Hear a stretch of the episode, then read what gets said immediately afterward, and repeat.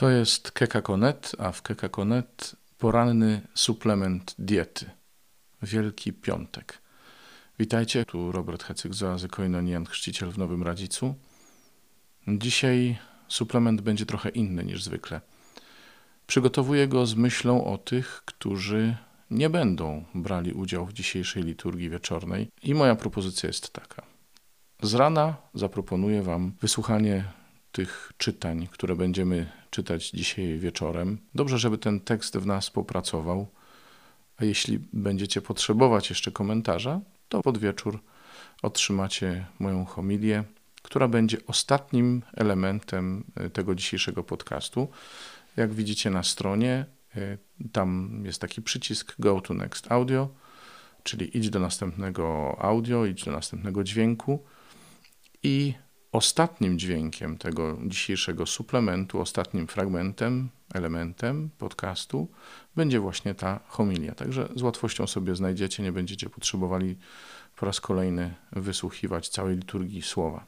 Tak więc za chwilę przeczytam Wam dzisiejsze czytania, a wieczorem, kiedy zakończymy u nas liturgię Męki Pańskiej, dołączę do tego podcastu moją homilię. I tak się umówmy. Dziękuję Wam za dzisiejsze spotkanie. Zapraszam do słuchania Słowa Bożego, a wieczorem do wysłuchania także tej mojej homilii. A spotkamy się jutro, w dniu ciszy. Z księgi proroka Izajasza. Oto się powiedzie mojemu słudze, wybije się, wywyższy i bardzo wyrośnie jak wielu osłupiało na jego widok. Tak nieludzko został oszpecony. Jego wygląd i postać jego była niepodobna do ludzi.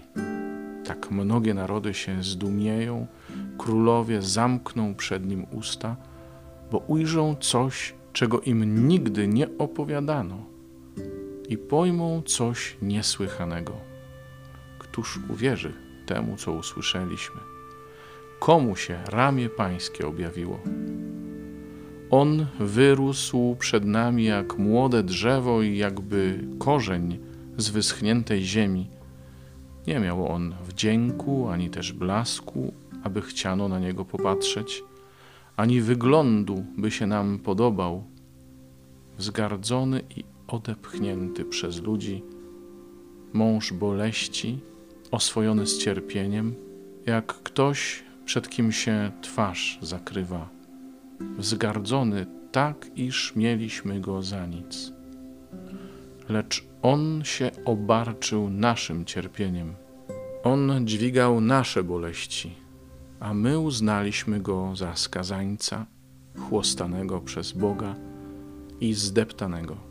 Lecz on był przebity za nasze grzechy, zdruzgotany za nasze winy spadła na niego chłosta zbawienna dla nas, a w jego ranach jest nasze uzdrowienie. Wszyscy pobłądziliśmy jak owce. Każdy z nas się zwrócił ku własnej drodze, a Pan obarczył go winami nas wszystkich.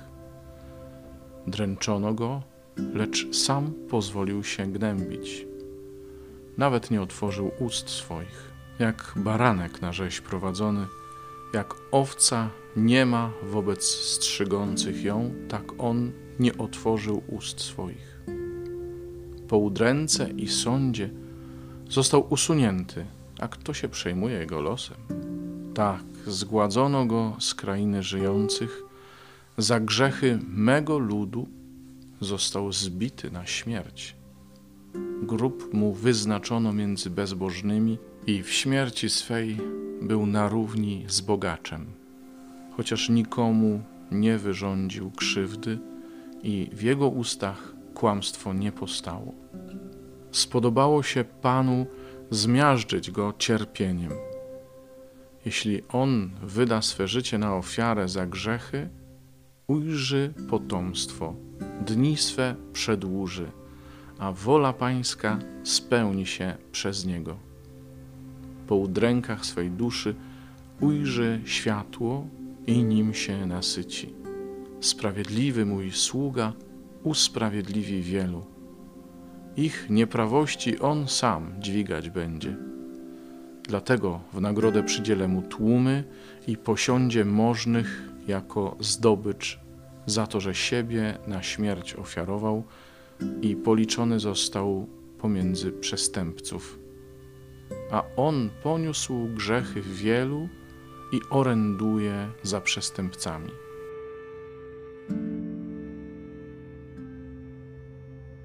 Z listu do Hebrajczyków. Mając arcykapłana wielkiego, który przeszedł przez niebiosa, Jezusa, Syna Bożego, trwajmy mocno w wyznawaniu wiary. Nie takiego bowiem mamy arcykapłana, który by nie mógł współczuć naszym słabościom, lecz poddanego próbie pod każdym względem, podobnie jak my, z wyjątkiem grzechu. Przybliżmy się więc z ufnością do tronu łaski, abyśmy doznali miłosierdzia i znaleźli łaskę pomocy w stosownej chwili.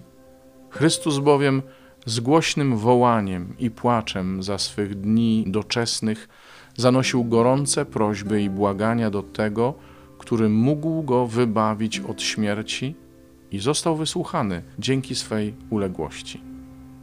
I chociaż był synem, nauczył się posłuszeństwa przez to, co wycierpiał.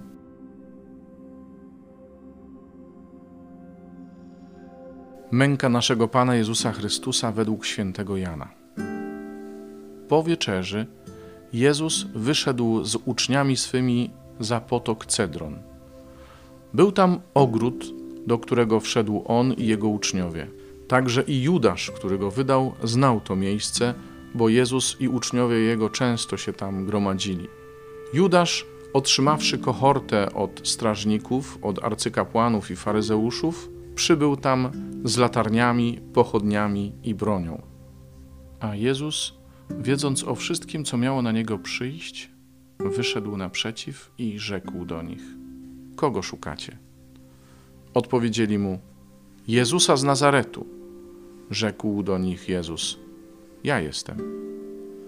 Również i Judasz, który go wydał, stał między nimi. Skoro więc Jezus rzekł do nich: Ja jestem, cofnęli się i upadli na ziemię. Powtórnie ich zapytał: Kogo szukacie? Oni zaś powiedzieli: Jezusa z Nazaretu. Jezus odrzekł: Powiedziałem wam, że ja jestem. Jeżeli więc mnie szukacie, pozwólcie tym odejść. Stało się tak, aby się wypełniło słowo, które wypowiedział: Nie utraciłem żadnego z tych, których mi dałeś. Wówczas Szymon Piotr, który miał miecz, dobył go, uderzył sługę arcykapłana i odciął mu prawe ucho, a słudze było na imię Malchos. Na to rzekł Jezus do Piotra: Schowaj miecz do pochwy. Czyż nie mam wypić kielicha, który mi podał ojciec? Wówczas kohorta oraz trybun razem ze strażnikami żydowskimi pojmali Jezusa, związali go i zaprowadzili najpierw do Annasza. Był on bowiem teściem Kajfasza, który owego roku pełnił urząd arcykapłański. Właśnie Kajfasz poradził Żydom, że lepiej jest, aby jeden człowiek zginął za naród. A szedł za Jezusem Szymon Piotr razem z innym uczniem. Uczeń ten był znany arcykapłanowi, dlatego wszedł za Jezusem na dziedziniec arcykapłana. Natomiast Piotr zatrzymał się przed bramą na zewnątrz. Wszedł więc ów drugi uczeń, znany arcykapłanowi, pomówił z odźwierną i wprowadził Piotra do środka. A służąca odźwierna rzekła do Piotra: Czy może i ty jesteś jednym spośród uczniów tego człowieka? On odpowiedział: Nie jestem. A że było zimno, strażnicy i słudzy, rozpaliwszy ognisko, stali przy nim i grzali się. Wśród nich stał także Piotr i grzał się przy ogniu. Arcykapłan więc zapytał Jezusa o jego uczniów i o jego naukę. Jezus mu odpowiedział: Ja przemawiałem jawnie przed światem. Nauczałem zawsze w synagodze i w świątyni, gdzie się gromadzą wszyscy Żydzi. Potajemnie zaś nie nauczałem niczego. Dlaczego mnie pytasz? Zapytaj tych, którzy słyszeli, co mówiłem. Przecież oni wiedzą, co powiedziałem. Gdy to rzekł, jeden ze sług stojących obok spoliczkował Jezusa, mówiąc: Tak odpowiadasz arcykapłanowi. odrzekł mu Jezus. Jeżeli źle powiedziałem, udowodnij, co było złego, a jeżeli dobrze, to dlaczego mnie bijesz?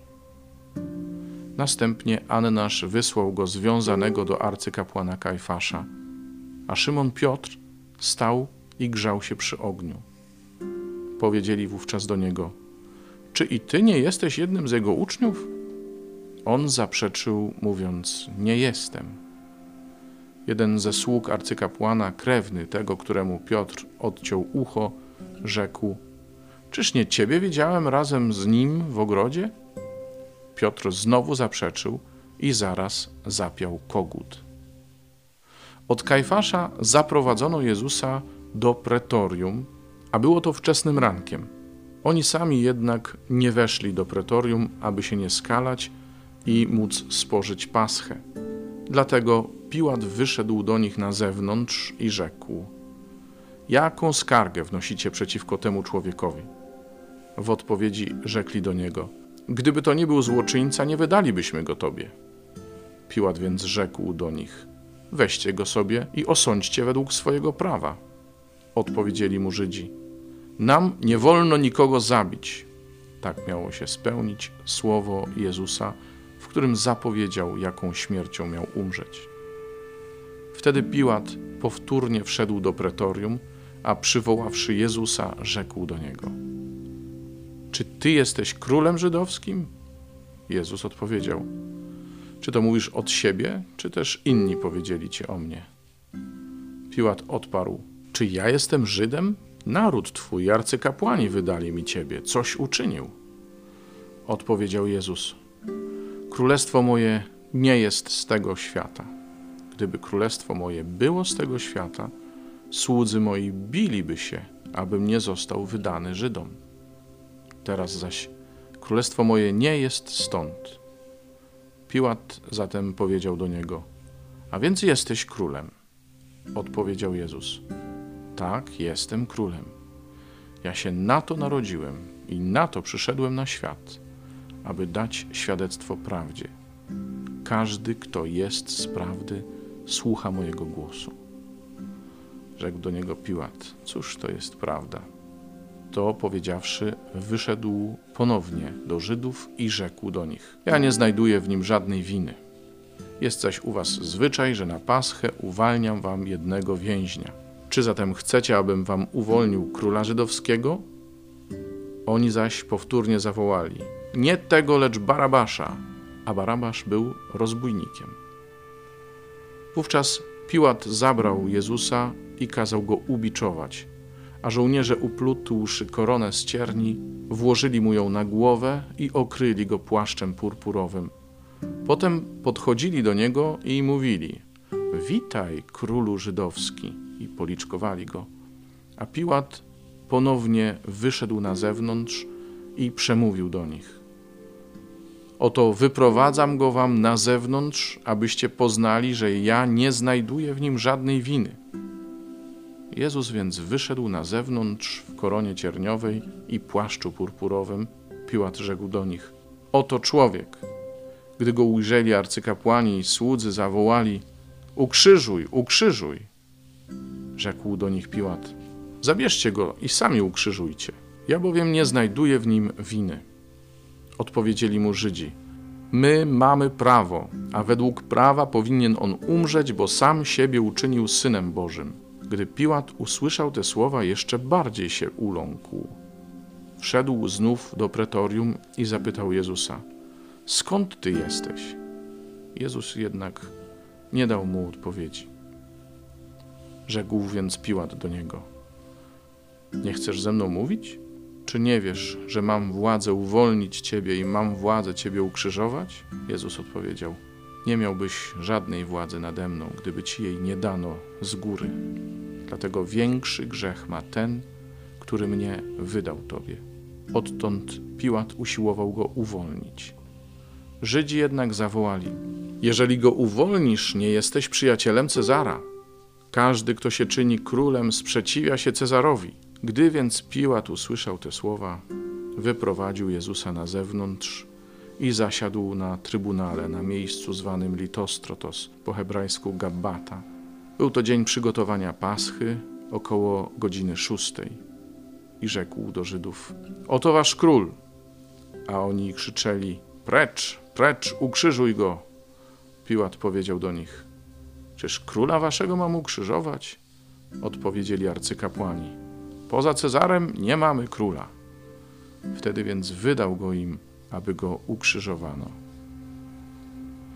Zabrali zatem Jezusa, a on sam, dźwigając krzyż, wyszedł na miejsce zwane miejscem czaszki, które po hebrajsku nazywało się Golgota.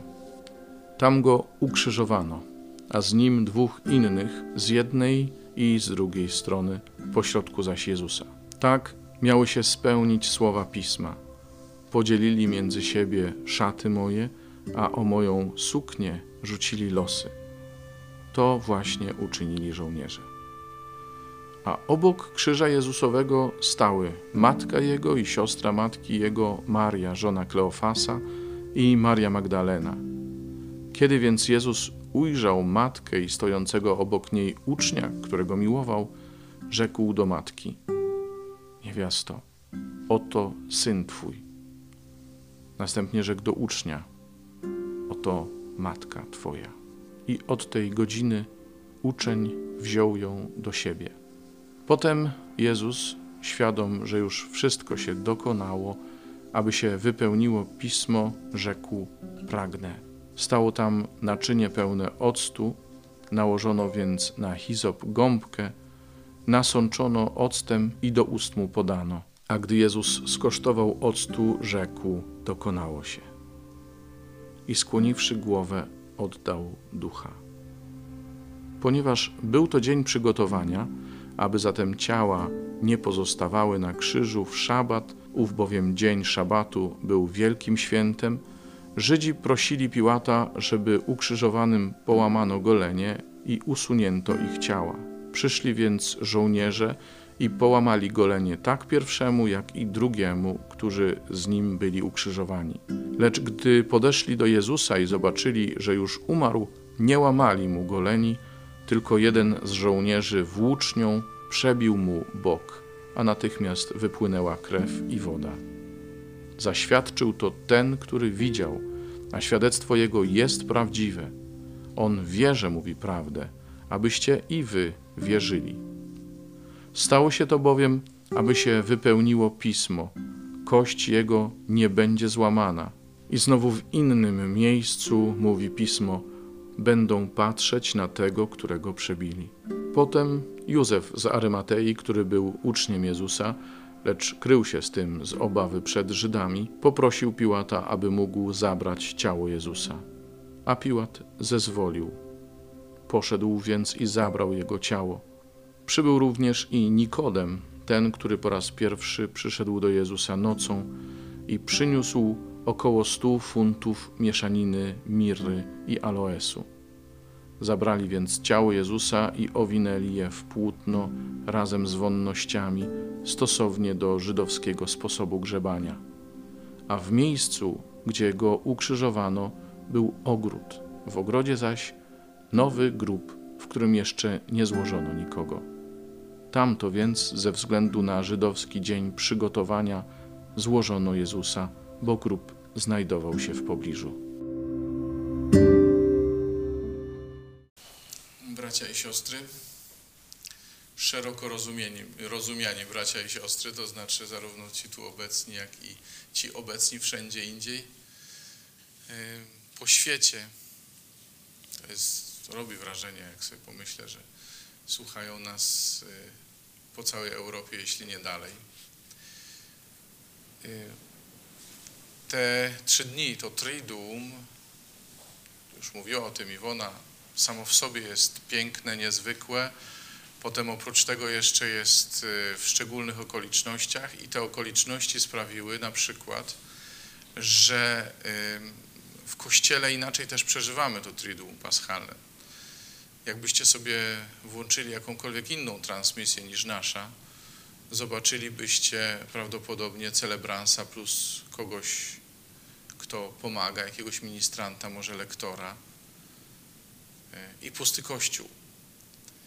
nasza liturgia jest liturgią wspólnotową, dlatego że my tutaj mieszkamy, jesteśmy razem, ale też dlatego, że wy nie jesteście zwykłymi oglądaczami tam przed monitorami, telewizorami, tylko jesteście współuczestniczącymi, jesteście wspólnotą zgromadzoną wokół tych tajemnic. Wczoraj y,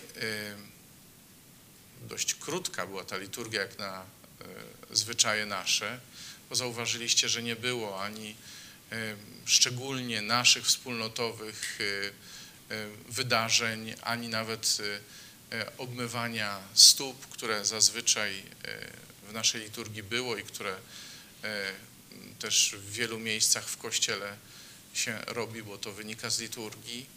Nie było tego, dlatego że w tym roku Kościół tego nie robi. Nigdzie w Kościele e, tego się nie robi. Ta msza była po prostu mszą, a jednocześnie, nie wiem jak wyście to odczuwali, ale ja miałem poczucie, żeśmy gdzieś doszli głęboko do istoty. To, co powiedział Grzesiek wczoraj w homilii, też bardzo mnie dotknęło. Raz, że się mocno skupił na tym, do końca ich umiłował, a mam wrażenie, że to jest najistotniejszy moment tego Jezusowego wydania się za nas. A dwa, powiedział takie rzeczy, które też myślę na długo zapamiętam, że Eucharystia to jest miłość, która karmi, a kapłaństwo to jest miłość, która służy. I macie tak krótkie ale tak treściwe definicje tych sakramentów, jakich ja jeszcze nigdzie nie słyszałem, ani w, w katechizmie, ani na katechezie, ani nigdzie indziej. Mam nadzieję, że to z nami zostanie. Dzisiaj z kolei taki dzień, w którym nigdy nie ma znaku krzyża na początek. Ktoś kiedyś się dziwił, że jak to, nie zaczęliście od znaku krzyża w piątek. No nie ma znaku krzyża, bo pamiętacie, że jesteśmy w ciągu tej liturgii wydarzenia paschalnego, która trwa. Myśmy weszli z Grzegorzem i wszyscy razem z całą wspólnotą upadliśmy przed tą tajemnicą w milczeniu, bo właściwie co tu powiedzieć. I w sumie kazanie w taki dzień y, mówić, mówić homilię, to też jest duże ryzyko, że się to spłaszczy wszystko. Dlatego pozostańmy przy tym, co najważniejsze, to znaczy przy Jezusie, przy Jego krzyżu. I co to ma wspólnego z nami? My jesteśmy przyzwyczajeni do krzyża, do tego widoku. Jesteśmy nawet przyzwyczajeni do różnych krzyży, do różnego rodzaju form tych krzyży. Mało tego, e, krzyż to również jest symbol e, służb ratowniczych, przynajmniej tych w kręgu kultury chrześcijańskiej. Jeszcze ciągle to jest czerwony krzyż. I dla nas to już nie jest aż tak, y, aż tak drażniące naszą wrażliwość. To już nie jest coś, co, co nas boli, co nas jakoś, y, co sprawia, że mamy ciarki na plecach. Ale jak widzimy szubienicę na przykład, szubienicę na ogół mało kto widzi na własne oczy, zwykle w jakichś filmach, a to dokumentach, czy to dotyczących II wojny światowej, czy jakichkolwiek innych jeszcze e, momentów takich, ewentualnie jakaś egzekucja, takie rzeczy. Ta belka pionowa, pozioma, ta skośna belka, no to to już nas wyprowadza poza strefę takiego komfortu psychicznego, bo krzyż jako coś religijnego już zmiękcza tą całą sytuację. Ale jak sobie pomyślimy o szubienicy, o szafocie, o innym krzyżu, który Amerykanie bardziej znają, bo to są te łoża śmierci też w postaci krzyża, to to już się zaczyna robić takie, lepiej o tym nie mówić, lepiej właściwie, a jak dzieci słuchają, to lepiej, żeby nie słuchały. Bo to zaczyna naprawdę w sposób dojmujący dotykać śmierci. Śmierci związanej ze złem, śmierci, która jest przymusem, śmierci, której nikt nie chce. Najlepszy dowód, że skazańców się prowadzi skutych na śmierć. Nikt tam nie idzie z rozwiązanymi rękami, a czasami trzeba ich ciągnąć. I taka śmierć, kojarzyłaby się nam z krzyżem, gdybyśmy żyli w tych czasach, w których żył Jezus. I my do tej pory jeszcze myślimy o tym w tych kategoriach często, że krzyż jest taką przymusową sytuacją. No bo na ogół był, ale nie w wypadku Jezusa. Nie w wypadku Jezusa. Jezus powiedział: Nie moja, ale Twoja wola niech się stanie. Powiedział Ojcu. Pytał, prosił, bał się, prawda, ale powiedział: Nie moja, ale Twoja wola. Niech się stanie. A dzisiaj prorok Izajasz mówi do nas: On się obarczył naszym cierpieniem, sam się obarczył naszym cierpieniem, czyli czymś, co właściwie my powinniśmy przejść. On dźwignął nasze boleści, a my uznaliśmy go za skazańca. Czasami tak patrzymy na krzyż, ten Jezusowy i ten nasz, że ktoś, kto cierpi, to taki wyrok dostał po prostu. Tak mu było pisane. Co się ma zdarzyć, to się musi zdarzyć, co nam pisane, to tak. No, jeśli nasze cierpienie ma mieć taką wartość, jak miało cierpienie Jezusa, jeśli ma prowadzić do życia, to nie może to być cierpienie przymuszone. Więc jeżeli zdarza nam się cierpieć, to zapytajmy, zapytajmy sami siebie, czy wolimy cierpieć w dwójnasób albo jeszcze powielokroć, czy też wolimy sprawić, żeby to nasze cierpienie miało sens.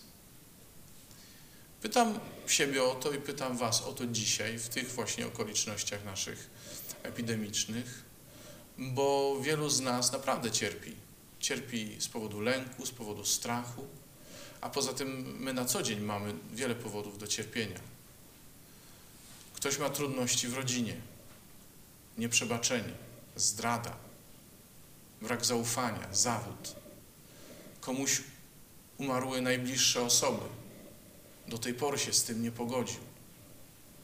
Ktoś inny ma chore dzieci, albo sam jest chory. Ktoś inny ma wrażenie, jakby wszystkie zła tego świata zawzięły się właśnie na jego rodzinę, albo na jego wspólnotę rodzinną. Patrzę też po tych prośbach o modlitwę, jakie docierały do nas od Was. Tak można by powiedzieć. Dlatego mówię, dzisiaj jest ten dzień, w którym możemy popatrzeć na Jezusa, który obarczył się naszym cierpieniem, wziął nasze boleści sam. Możemy sobie zadać pytanie, czy w związku z tym chcemy je razem z Nim nieść, czy chcemy od tego uciec? Bo to, co Jezusa spotkało, okazało się zbawienne dla nas. A dla kogo może okazać się zbawienne nasze cierpienie? On wziął na siebie wszystko to, co było całą niesprawiedliwością świata, żeby nas usprawiedliwić. Kto dzisiaj z tych, których my znamy, potrzebuje usprawiedliwienia od Boga? Ja wiem, że to ofiara Chrystusa zbawiła każdego człowieka że jesteśmy odkupieni przez krew Chrystusa, nie przez naszą krew. Ale to, o czym dzisiaj też mówiła Iwona, jeśli my będziemy uciekać od tego, co się przytrafiło Jezusowi, to nie dojdziemy tam, dokąd doszedł On. Dlatego mamy się w Niego wpatrywać, nie tylko po to, żeby się smucić, czy w ogóle nie po to, żeby się smucić, nie po to, żeby żeby się bać, ale po to, aby zobaczyć w Jego cierpieniu, w Jego krzyżu akt miłości wobec nas. Po to, żeby być Mu wdzięcznym. Amen? Amen. Żebyśmy mogli, żebyśmy mogli Mu dziękować codziennie za Jego krzyż. W naszej wspólnocie, zwłaszcza we wspólnocie wewnętrznej, wiele krzyży, jakie mamy w domu, to są puste krzyże. Każdy z braci i sióstr, każda i każdy z sióstr i braci konsekrowanych e, podczas swoich pierwszych zobowiązań dostaje krzyż i to pusty krzyż.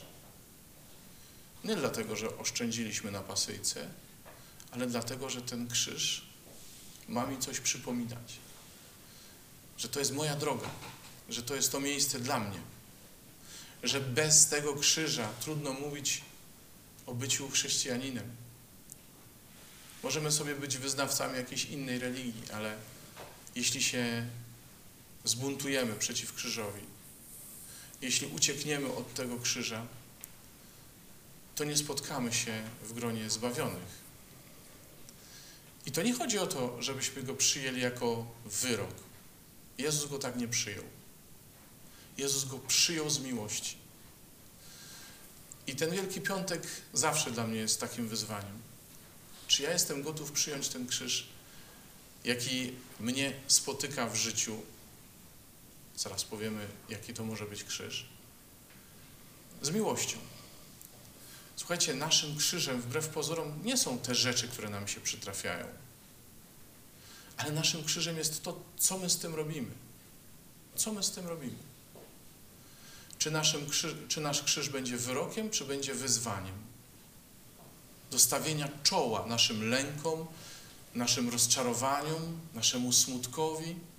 Człowiek, który bierze krzyż, nie bierze na siebie wyroku. Człowiek, który bierze krzyż, bierze się z życiem za barę. A tak naprawdę bierze się za barę ze śmiercią. Bo jeśli ja biorę krzyż z własnej inicjatywy, jeśli przyjmuję to, czego Bóg chce ode mnie dzisiaj, okoliczności życiowe, w jakich się znalazłem, to jest to akt odwagi, a nie akt tchórzostwa albo cierpiętnictwa. Przyjąć krzyż to nie znaczy zrezygnować. Przyjąć krzyż to znaczy stawić czoło. Jezus stawił czoła temu wszystkiemu, nie uciekł, nie powołał się na to, że jest Bogiem, ale jak to mówi święty Paweł, nie skorzystał ze sposobności, aby na równi być z Bogiem, lecz ogołocił samego siebie ze wszystkiego. Ze wszystkiego. Ten symbolicznie obnażony ołtarz o tym właśnie mówi. Jest jeszcze jedna rzecz, o której dziś powiedziała Iwona, a o której ja chcę powiedzieć zupełnie na koniec, a to już właśnie do końca się zbliżamy. My w większości tutaj w tym gronie, tak jak y, jesteśmy przed telewizorami, oprócz oczywiście naszych rodzin, przyjaciół i innych osób, które nie są bezpośrednio członkami wspólnoty, my mamy też swój wspólnotowy krzyż do wzięcia. Wspólnotowy krzyż do wzięcia, tak jak ten osobisty, oznacza przyjęcie woli Bożej, oznacza przyjęcie tego Bożego planu dla nas. A jaki jest Boży plan dla naszej wspólnoty? To, co Bóg powiedział na początku, kiedy wspólnota jeszcze nie istniała. Z mojego domu modlitwy wytryśnie nowe, nowa nowe powołanie i nowa ewangelizacja.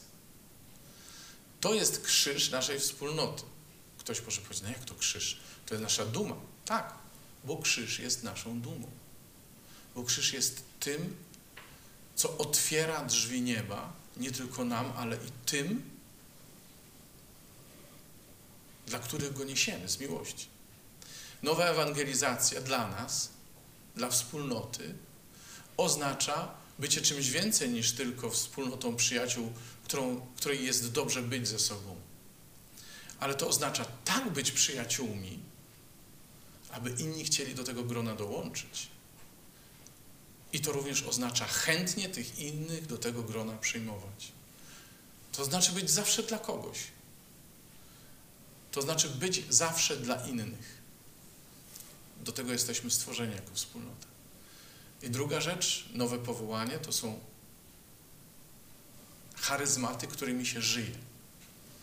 Charyzmaty, którymi się żyje, dary duchowe, tak, ale też dary te, które każdy z nas posiada. Żyć darami to znaczy darmo otrzymać i darmo, darmo rozdawać. Tym, do czego jesteśmy zdolni, tym, co jest naszym obdarowaniem, chcemy służyć sobie nawzajem, ale też jako wspólnota chcemy znów służyć innym. Bo Duch Święty, który rozlewa w nas miłość, otwiera nasze serce na zewnątrz. Tak jak Bóg jest dla nas, dla ludzi, tak samo my, Kościół, cały, a w konkrecie w tym kościele, my jako wspólnota, też jesteśmy dla innych. I to jest ten krzyż, który my chcemy z radością wziąć na siebie.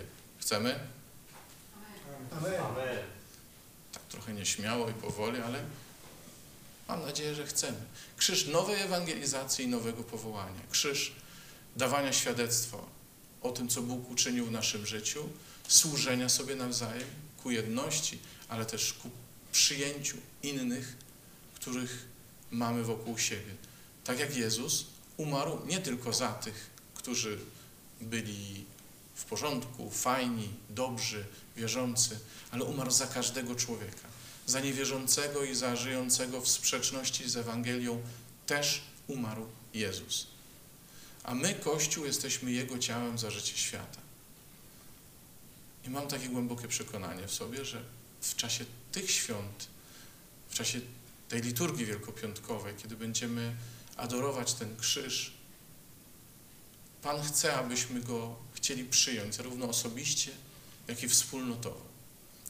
Więc kiedy będziemy dzisiaj adorować krzyż, to niech ta będzie adoracja nie tylko pełna miłości wobec Jezusa, pełna wdzięczności wobec Niego, ale niech to będzie akt przyjęcia, wzięcia tego brzemienia, które wziął Jezus, tak abyśmy je razem z Nim nieśli. Dla dobra braci i sióstr, nie tylko dla naszego zbawienia, ale też właśnie dla zbawienia innych. I aktem tego myślenia o innych i tego wyjścia ku, innych, ku innym, niech będzie też ta modlitwa wiernych, którą za chwilę będziemy się modlić, która jest taka niezwykła w ten Wielki Piątek, a, a w ten akurat Wielki Piątek jest jeszcze bardziej niezwykła, ponieważ mamy dodatkowe wezwanie związane z epidemią COVID-19. Wyjdźmy więc z naszego intymnego przeżywania krzyża w doświadczenie wzięcia, dobrowolnego wzięcia krzyża na siebie, krzyża Bożego planu w moim życiu, w życiu tej wspólnoty. Amen.